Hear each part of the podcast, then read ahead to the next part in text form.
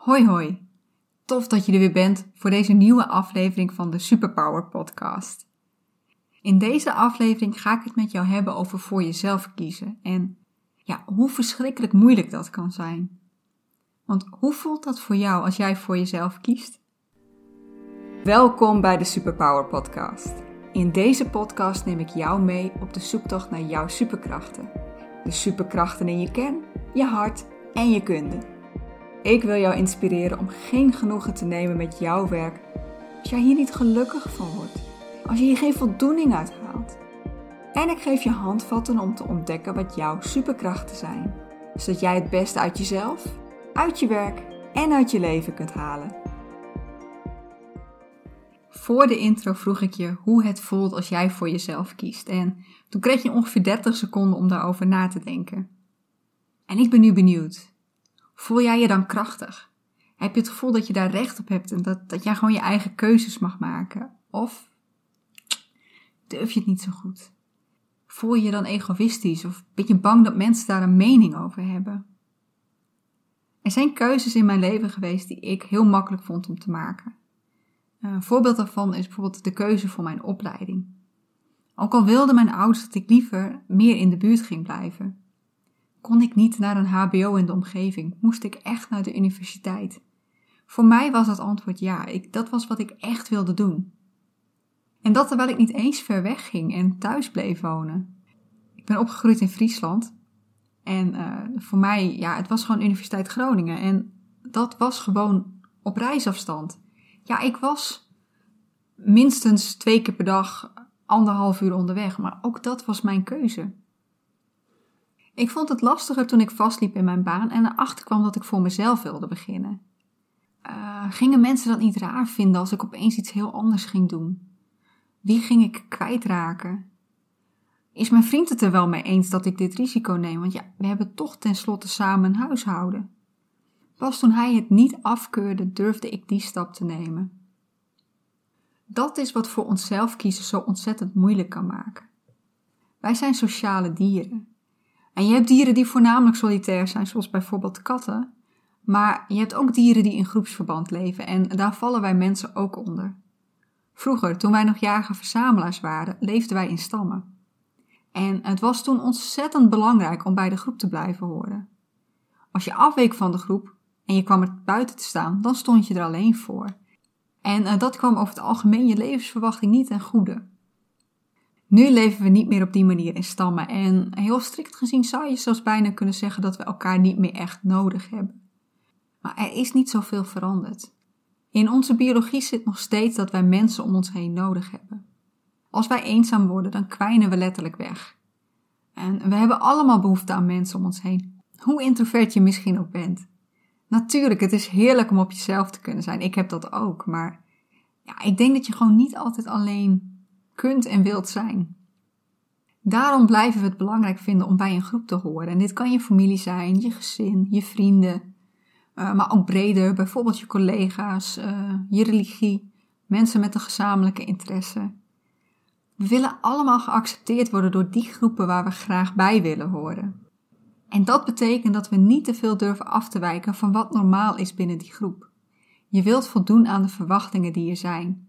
Want daar niet aan voldoen, dat zou wel eens kunnen betekenen dat je afgewezen wordt. En dit hoeft niet eens alleen dingen te zijn die hardop uitgesproken zijn. Soms lijken dingen zo normaal te zijn binnen een groep, dat jij denkt dat jij dat ook zo moet doen. Ja, en dan is het toch die keuze, die keuze die je voor jezelf wilt maken, die keuze die voor jouw gevoel afwijkt van wat er van je wordt verwacht. En dan komt dat vervelende schuldgevoel naar boven. Mag ik wel voor mezelf kiezen? Doe ik dan niemand tekort? Of je wordt bang dat je, dat, dat je groep dat inderdaad niet gaat accepteren, dat ze hier slecht op gaan reageren, dat ze een mening gaan hebben en dat ze je misschien wel afwijzen. En dat zorgt ervoor dat, dat, dat we eigenlijk allemaal dan toch meegaan met de rest.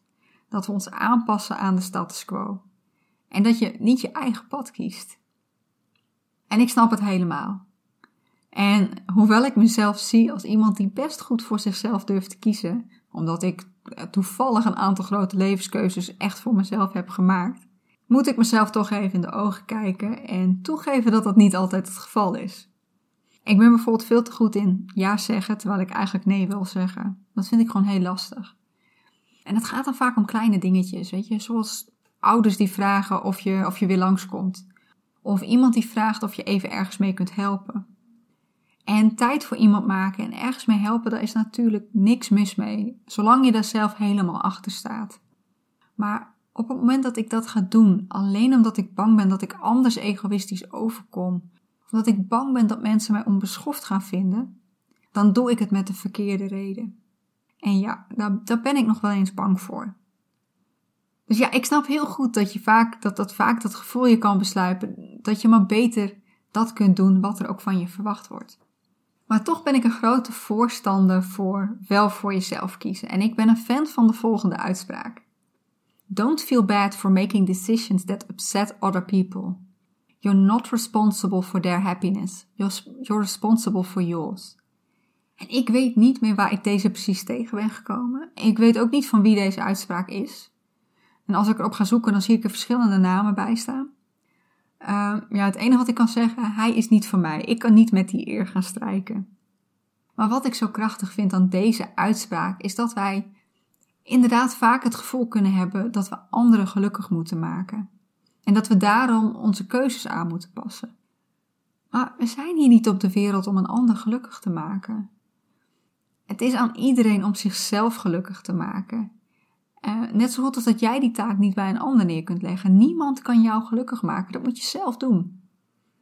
En ja, het is dus niet jouw plicht om een ander gelukkig te maken. Niet je ouders die jou op deze wereld hebben gezet. Niet je vrienden waar je graag mee optrekt. Niet je partner van wie je houdt. En natuurlijk doe je je best om goed gezelschap te zijn. En uh, je gaat niet iemand met opzet ongelukkig maken. Maar ik hoop ook dat je niet je eigen geluk aan de kant zet. En dat je jezelf minder gelukkig maakt doordat je altijd een ander voorop zet. Nou, betekent dit dat je dan ten alle tijden voor jezelf moet kiezen? Nou, ik, ik denk dat hij een beetje in het midden ligt. Aan de ene kant zeg ik ja, als jij iets echt wilt en het is je alles waard, dan, dan moet jij je niet tegengehouden laten voelen door een ander. En zeker als dat iets is waarmee je ook niet iemand direct beïnvloedt. het wordt misschien iets anders als jouw keuze wel invloed op een ander gaat hebben. Ehm, als jij bijvoorbeeld aan de andere kant van de wereld gaat wonen en je hebt een partner die dan mee zou moeten. Of uh, dat je gaat, uh, of dat je moet verhuizen voor je baan. Je wilt een andere baan en dat is aan de andere kant van het land. Uh, dat ook dan je partner mee zou moeten, of dat je kinderen dan van school moeten wisselen. Op dat moment ga jij namelijk van hen vragen om zich weer aan jou aan te passen, aan jouw keuze. En het zou voor jou geen verplichting moeten zijn om jou aan te passen aan anderen, maar dat betekent ook dat zij zich niet aan hoeven te passen aan jou. Natuurlijk is er heel veel mogelijk in goed overleg, maar dat is wel waar het dan op neerkomt. Dat je, dat je met elkaar moet gaan praten over wat er wel mogelijk is. Ik wilde bijvoorbeeld eerst wel weten wat mijn vriend dacht over mijn zelfstandig ondernemerschap. Ik betaalde immers mee met de vaste lasten. En het zou fijn zijn als ik niet steeds zou moeten zeggen: Kan jij dat voor mij betalen? Of ja, vakantie, ja, dat wordt hem niet hoor, want daar heb ik geen geld voor. Ik wil niet dat hij het gevoel krijgt dat ik afhankelijk van hem zou worden en dat daarmee mijn keuze hem weer beïnvloedt. Bij de keuze voor mijn opleiding was dat echt totaal anders. Hoezo moet het mijn ouders iets uitmaken wat ik ga studeren? En zelfs al had dat betekend dat ik naar een andere plaats was verhuisd, wat dan nog? Ik was ondertussen 18 en dat is een hele mooie leeftijd om op jezelf te gaan wonen. Bij deze keuze heb ik er echt geen moment spijt van gehad dat ik voor mezelf koos. Dit was wat ik wilde. Maar stel nu dat je wel iets wilt kiezen waardoor of anderen met je mee moeten bewegen of dat je afscheid van elkaar moet nemen. Stel, het is inderdaad jouw grote droom om in Australië te gaan wonen. Maar je partner, ja, die wil dat gewoon echt niet. Die wil niet met jou mee dan is het aan jou om te kijken wat voor jou het meest belangrijke is. Die droom in Australië of je partner. En dat kan best wel even heel pijnlijk zijn om, je, om jezelf daarvoor in de spiegel te kijken. Welke van die twee je ook kiest, het is dan wel weer jouw eigen keuze. Jij bepaalt jouw pad. En nu hoor ik je denken, maar stel nou dat ik eigenlijk verhuizen naar Australië belangrijker vind, vind dan mijn partner, maar ja, ik hou ook van mijn partner en ik wil hem of haar ook geen pijn doen. En daarom kies ik voor mijn partner. Dan is dat toch ook mijn keuze? Uh, ja, die, die vind, ik, vind ik heel lastig. Want ik wil echt niet zeggen dat het altijd makkelijk is. Waar het dan denk ik op neerkomt, is kijken naar wat, wat het met jouw geluk doet als je die droom laat varen voor een ander. Ben je dan nog steeds gelukkig? No problem. Maar heb jij dan echt het gevoel dat je je aan moet passen aan een ander? En misschien zelfs wel dat je dat die ander kwalijk gaat nemen? Dan moet je er misschien toch echt nog een keer goed over nadenken wat je nou echt wil. En het kan zijn dat ik me hier op glad ijs begeef, want ik ben natuurlijk niet gespecialiseerd in relaties. Maar ik denk dat als een keuze jou echt minder gelukkig zou maken, echt het gevoel zou geven dat je iets zou missen in jouw leven, dan moet je echt kijken wat dat jou waard is. En ik kijk natuurlijk vooral naar je loopbaan, naar het werk wat je doet. En ik kan me bijna niet voorstellen dat het werk wat jij kiest een negatieve invloed kan hebben op het leven van iemand anders. Tenzij we het weer gaan hebben over dat het iets is waarvoor je bijvoorbeeld moet verhuizen. Maar in de kern kan het soort werk wat jij kiest daarin niet in de weg staan. Ik vind dat het dan ook niet zo mag zijn dat jij een bepaalde carrière na gaat streven omdat iemand anders vindt dat jij dat moet gaan doen. En dat je besluit om die functie, die jou echt helemaal geweldig lijkt, dat je die dan maar links laat liggen. Omdat mogelijk je beste vriend of vriendin jou dan wel eens raar zou kunnen vinden. Of zou kunnen denken, nou, als jij zo'n persoon bent, dan wil ik niks met je te maken hebben. Dat zegt meer over die persoon dan over jou. Ik hoop eh, dat dit niet een hele warrige podcast aan het worden is. Uh, jullie kunnen mij natuurlijk niet zien, maar stiekem zit ik hier gewoon even grijnzend mijn tong naar jullie uit te steken, want het is mijn keuze om dit enigszins warrige verhaal te houden. En het is aan jou de keuze of je dan wilt blijven of niet.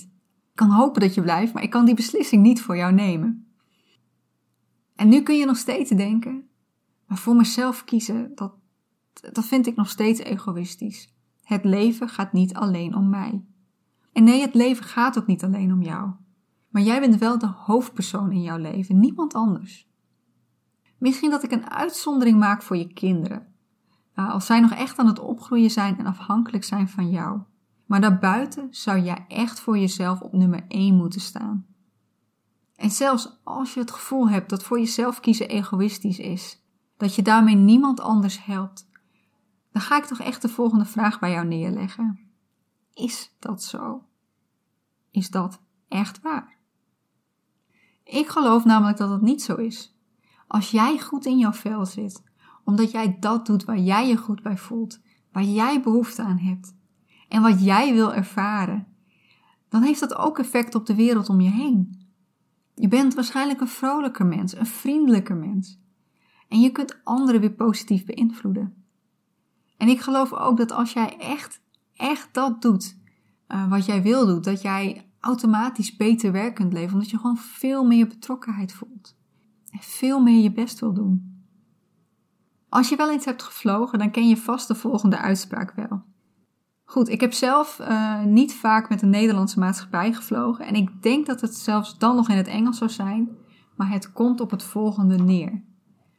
In het geval dat de zuurstofmaskers uit het plafond komen vallen, dient u eerst uw eigen zuurstofmasker te bevestigen voordat u iemand anders gaat helpen.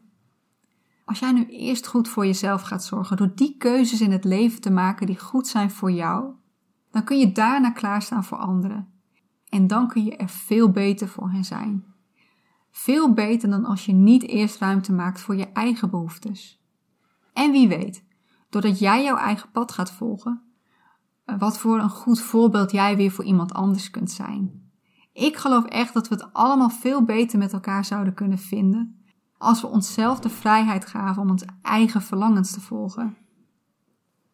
Check. Dat was het laatste wat ik wilde vertellen in deze podcast. In de volgende podcast ga ik nog verder op het maken van keuzes. Dan ga ik het hebben over hoe onze ouders onze keuzes kunnen beïnvloeden. Tot dan.